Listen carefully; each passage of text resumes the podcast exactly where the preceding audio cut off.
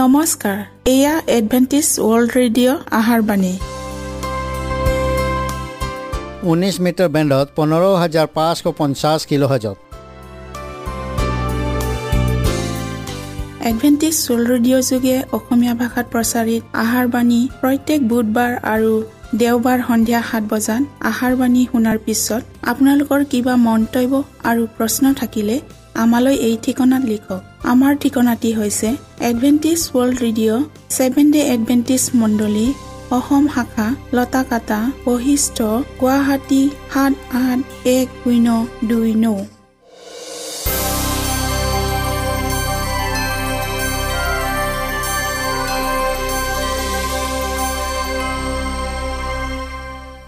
প্ৰিয় শ্ৰোতা বন্ধুসকল এতিয়া শুনো আহক এটি খ্ৰীষ্টীয় ধৰ্মীয় গীত।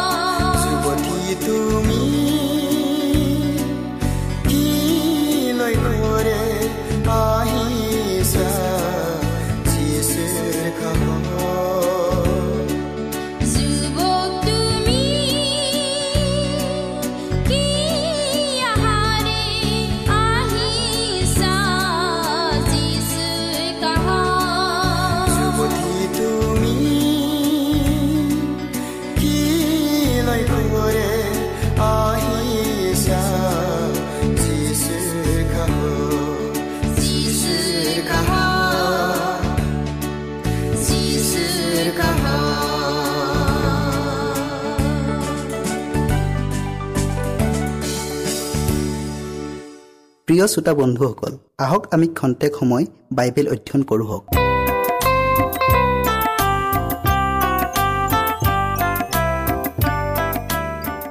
প্ৰিয় শ্ৰোতাসকল নমস্কাৰ। আজি আমি ক্ষমাৰ পৰিমাণ এই বিষয়টিলৈ অধ্যয়ন কৰোঁ হওক। শাস্ত্ৰ পদ হৈছে মঠি ওঠৰ অধ্যায়ৰ একৈছৰ পৰা পঁয়ত্ৰিছ পদলৈকে।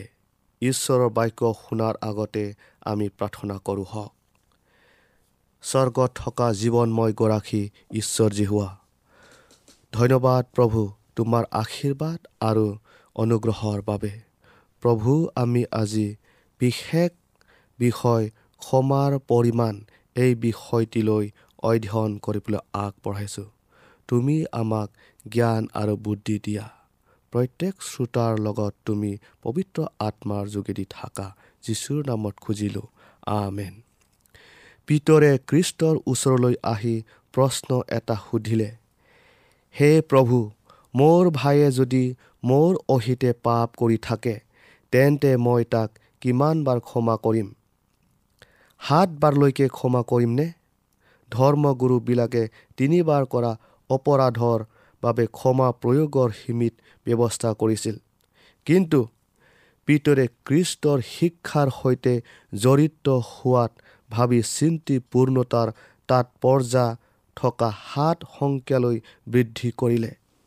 যীশুৱে পিতৰক ক'লে মই তোমাক সাতবাৰ বুলি নকওঁ কিন্তু সত্তৰ গুণ সাতবাৰলৈকে ক্ষমা কৰিবা। অৰ্থাৎ কৰিয়েই থাকা ভাগৰি নপৰিবা। ইয়াৰ পাছত তেওঁৰ ক্ষমাৰ প্ৰকৃত ভিত্তি আৰু ক্ষমাহীন হৃদয় পোষণ কৰা পৰিণাম কি তাক দেখুৱালে। তেওঁ দৃষ্টান্তৰ যোগেদি কোনো এজন ৰজাৰ দেশৰ শাসন ভাৰপ্ৰাপ্ত ৰাজবিষয়া এজনৰ বিষয়ে কৈছে। এই ৰাজবিষয়াবিলাকে যথেষ্ট পৰিমাণে ৰাজ্যৰ ৰাজগৰ সংগ্ৰহ কৰিছিল। এবাৰ ৰজায়ে বিষয়াজনৰ তত্বাৱধানত থকা ধনৰ হিচাপ কৰোঁতে বিপুল পৰিমাণৰ ধন অৰ্থাৎ দহ হাজাৰ গাগৰি। এই গাগৰিত প্ৰায় পাঁচ হাজাৰ থকা এজন দাসৰ পৰা কম পোৱাত সেই সময়ৰ প্ৰচলিত ৰীতি অনুসৰি তাৰ যি আছে সেই সকলো বেছি ঋণ পৰিশোধ কৰিবৰ আদেশ দিলে। তাতে দাজনে ভীতি বিহল হৈ ৰজাৰ চৰণত পৰি কাকুতি মিনতি কৰি ক'লে মোলৈ দয়া কৰক মই আপোনাৰ সকলো ঋণ পৰিশোধ কৰিম। তেতিয়া গৰাকীয়ে সেই দাসক কাটৰোক্তি শুনি দয়া কৰি তাক মুকলি কৰি দি সকলো ঋণ ক্ষমা কৰিলে। তেতিয়া সেই দা ওলাই গৈ তাৰ সহ দা এজনক লগ পালে। সেই দাজনে প্ৰথমজন দাসক এশ দিনাৰী পৰিশোধ কৰিব লগা আছিল। সি তাৰ সেই সহদাসজনৰ ডিঙি চেপি ক'লে তোৰ দিবলগীয়াখিনি দে। সেই সহদাসজনে তাৰ ভৰিত পৰি কাউ কৰি ক'লে অলপ ধৈৰ্য ধৰক মই আপোনাক পৰিশোধ কৰিম। কিন্তু সি তাৰ কথা নুশুনি দিবলগীয়াখিনি পৰিশোধ নকৰা মানুহলৈকে তাক বন্দীশালত সুমুৱাই ৰাখিলে। আন সহদাবিলাকে এই ঘটনা দেখি অতিশয় দুখ পাই ৰজাক সকলো কথা জনালেগৈ। তেতিয়া ৰজাই সেই দাসক মতাই আনি ক'লে হেৰ দুষ্ট দাহ তই মোক কাকতি কৰোঁতে মই তোৰ সকলো ধাৰ ক্ষমা কৰিলোঁ। মই তোক যিদৰে দয়া কৰিছিলোঁ তয়ো তোৰ সহদাসক এইদৰে দয়া কৰা উচিত নাছিলনে? তেতিয়া ৰজাৰ বৰ খং উঠিলত তেওঁ তাক আটাইখিনি পৰিশোধ নকৰা মানুহলৈকে বন্দীশালত যাতনাকাৰীবিলাকৰ হাতত সোধাই দিলে। প্ৰিয় শ্ৰোতাসকল এই দৃষ্টান্তত ঘটনাৰ সবিশেষ বিৱৰণ দাঙি ধৰিছে যিটো আত্মিক বিষয়ৰ কাৰণে শুভসু ছবি। এনে গুৰুত্বপূৰ্ণ বিষয় এটা আনৰ পৰা অজ্ঞাতে ৰাখিব নালাগে।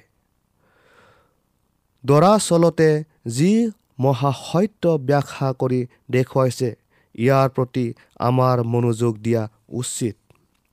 ৰজাই ক্ষমা মঞ্জুৰ কৰা মানে আমাৰ আটাই পাপৰ পৰা ঐশ্বৰিক ক্ষমা পোৱাক বুজায়। ৰজাজনৰ দ্বাৰাই কৃষ্টক দেখুওৱা হৈছে।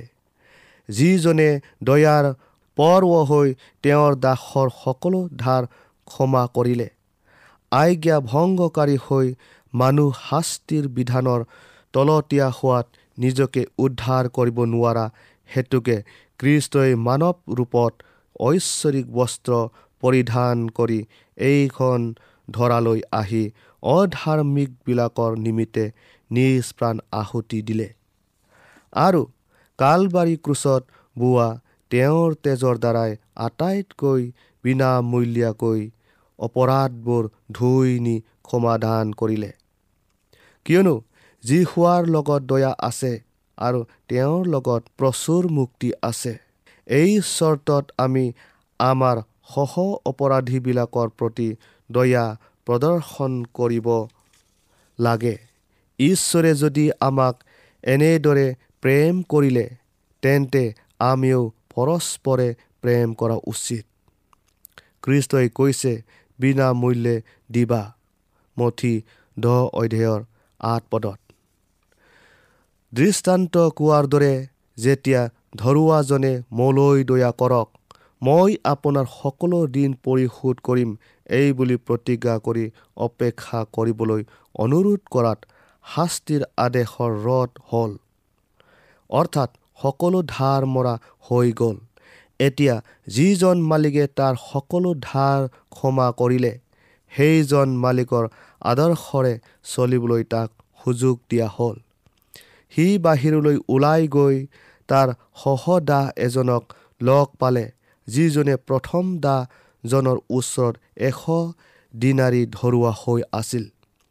সি যিদৰে কাকতি মিনতি কৰাত ৰজাই তাক দয়া কৰিলে কিন্তু সি তাৰ সহদাহক লগ পাই তাৰ প্ৰতি সম্পূৰ্ণ বিপৰীত আচৰণ কৰিলে। দাজনে ৰজাক অনুনয় বিনয় কৰাৰ দৰে সহদাজনেও একেধৰণেৰে প্ৰথম দাজনক কাকতি মিনতি কৰিছিল।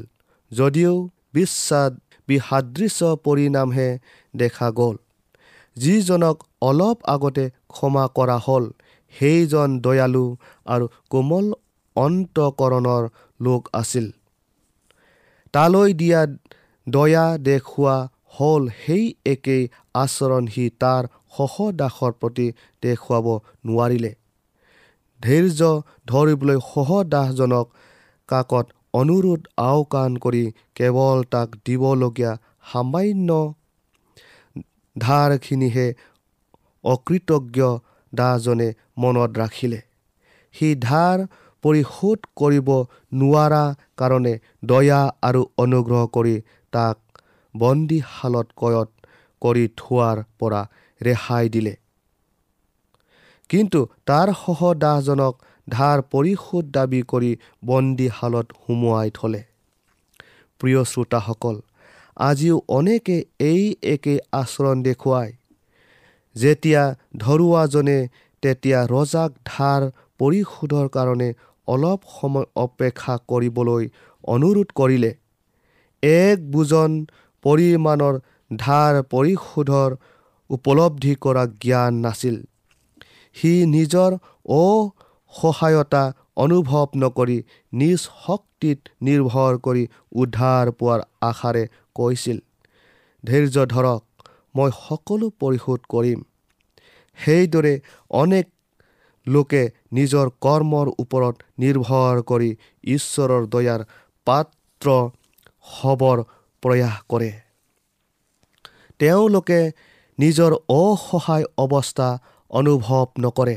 আনকি ঈশ্বৰৰ অনুগ্ৰহক বিনামূলীয়া বৰ বুলি গ্ৰহণ নকৰে বৰং স্বধাৰ্মিকতাত তেওঁলোকে নিজকে স্থাপিত কৰে। তেওঁলোকে কৰা পাপ অপৰাধৰ নিমিত্তে অনুতাপ নকৰে নিজকে নট নকৰে কিন্তু আনৰ দায় ঢৌ বিচাৰি তেওঁলোকলৈ নিৰ্দয় আচৰণ নকৰে। তেওঁলোকে ঈশ্বৰৰ বিৰুদ্ধে কৰা নিজৰ পাপবোৰ আনৰ লগত তুলনা কৰে। যেনে দহ হাজাৰ গাগৰি এশ দিনাৰীৰ সৈতে তুলনা দেখুৱাই এক নিযুতৰ বিপৰীতে এটা। তথাপিও তেওঁলোক নিৰ্দয় আচৰণ কৰাৰ সাহস কৰে। দৃষ্টান্তত কৈছে ৰজাই নিৰ্দয় ধৰুৱাজনক ততালিকে মতাই নি ক'লে। হেৰ দুষ্ট দা তই মোক কাকতি কৰোঁতে মই তোৰ সকলো ধাৰ ক্ষমা কৰিলোঁ। মই তোক যিদৰে দয়া কৰিছিলোঁ তয়ো তোৰ সহদাসক সেইদৰে দয়া কৰা উচিত নাছিলনে? তেতিয়া ৰজাৰ বৰ খং উঠিলত। তেওঁ তাক আটাইখিনি ধাৰ পৰিশোধ নকৰা মানুহলৈকে বন্দীশালত যাতনাকাৰীবিলাকৰ হাতত সোধাই দিলে। যীশুৱে কৈছে সেইদৰে তোমালোকে প্ৰতিজনে নিজ নিজ ভায়েৰাক অন্তৰৰ পৰা ক্ষমা নকৰিলে মোৰ স্বৰ্গত থকা বৃত্তিয়েও তোমালোকক ক্ষমা নকৰিব। ক্ষমা কৰিবলৈ আহৈ মতাজনে নিজকে ক্ষমাৰ অযোগ্য কৰি লয়। প্ৰিয় শ্ৰোতাসকল কিন্তু এই দৃষ্টান্তৰ শিক্ষা অযথা প্ৰয়োগ কৰা ন্যায় সংগত নহয়।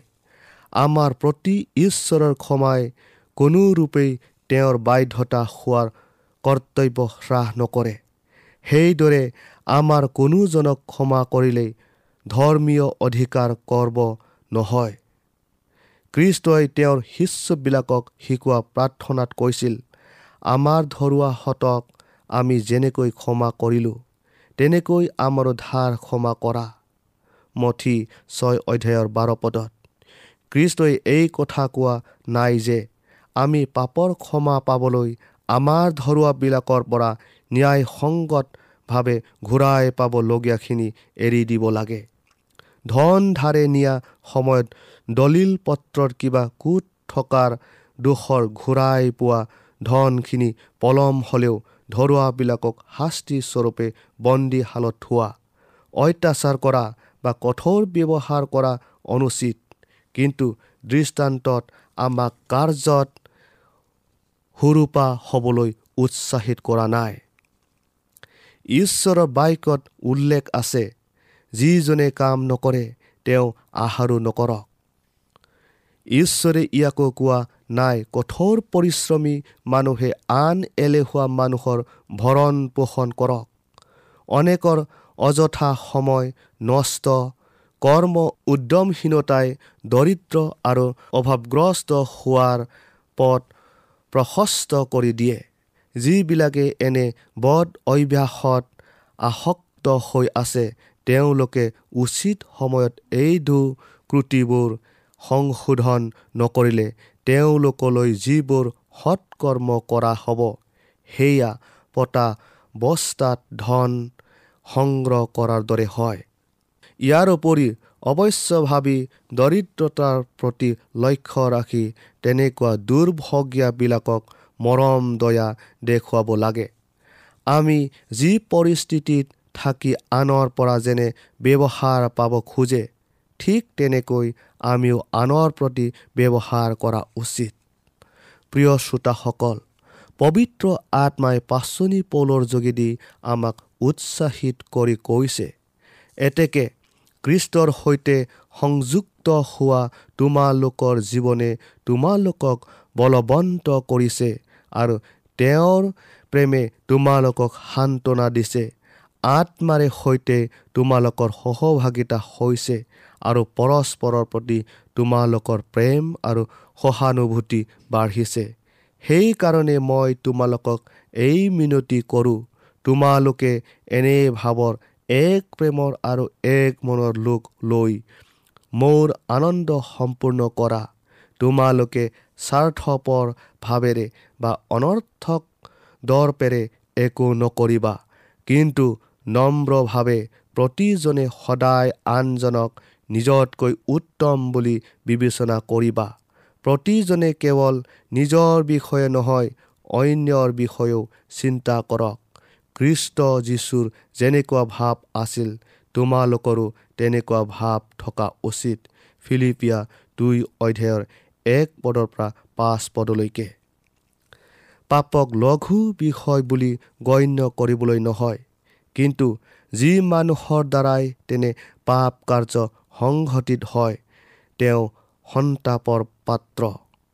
তথাপিও ঈশ্বৰে আমাক তেনে লোকক সতৰ্ক কৰিবলৈ আদেশ দিছে। তোমাৰ ভাইৰাই যদি পাপ কৰে তেন্তে তেওঁক অনুযোগ কৰিবা লোক সত্ৰ অধ্যায়ৰ তিনি পদত। পাপ কৰোতাজনৰ আগত তেওঁ যি পাপ কৰে তাক স্পষ্টভাৱে প্ৰকাশ কৰি দেখুৱাব লাগে। প্ৰিয় শ্ৰোতাসকল আজি আমি ইয়াতে সামৰিলোঁ।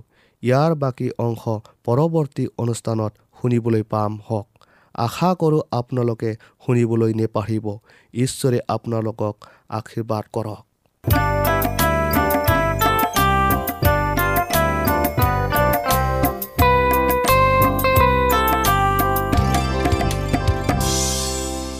ইমানপৰে আমি বাইবেল অধ্যয়ন কৰিলোঁ। এতিয়া আকৌ শুনো আহক এটি খ্ৰীষ্টীয় ধৰ্মীয় গীত।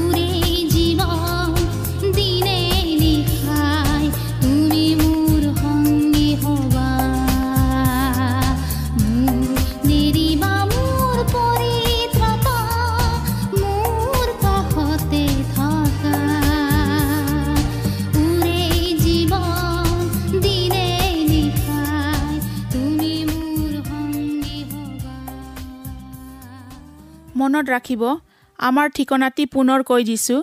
Adventist world radio' Assam region of seven day Adventist voice of hope Latakata Basistha Guwahati seven eight one zero' two nine প্ৰিয় শ্ৰোতা বন্ধুসকল এডভেণ্টিজ ৱৰ্ল্ড ৰেডিঅ' যোগে আহাৰবাণী প্ৰচাৰত আপোনালোকক পুনৰ লগ পোৱাৰ আহাৰে আজিলৈ সামৰিলোঁ।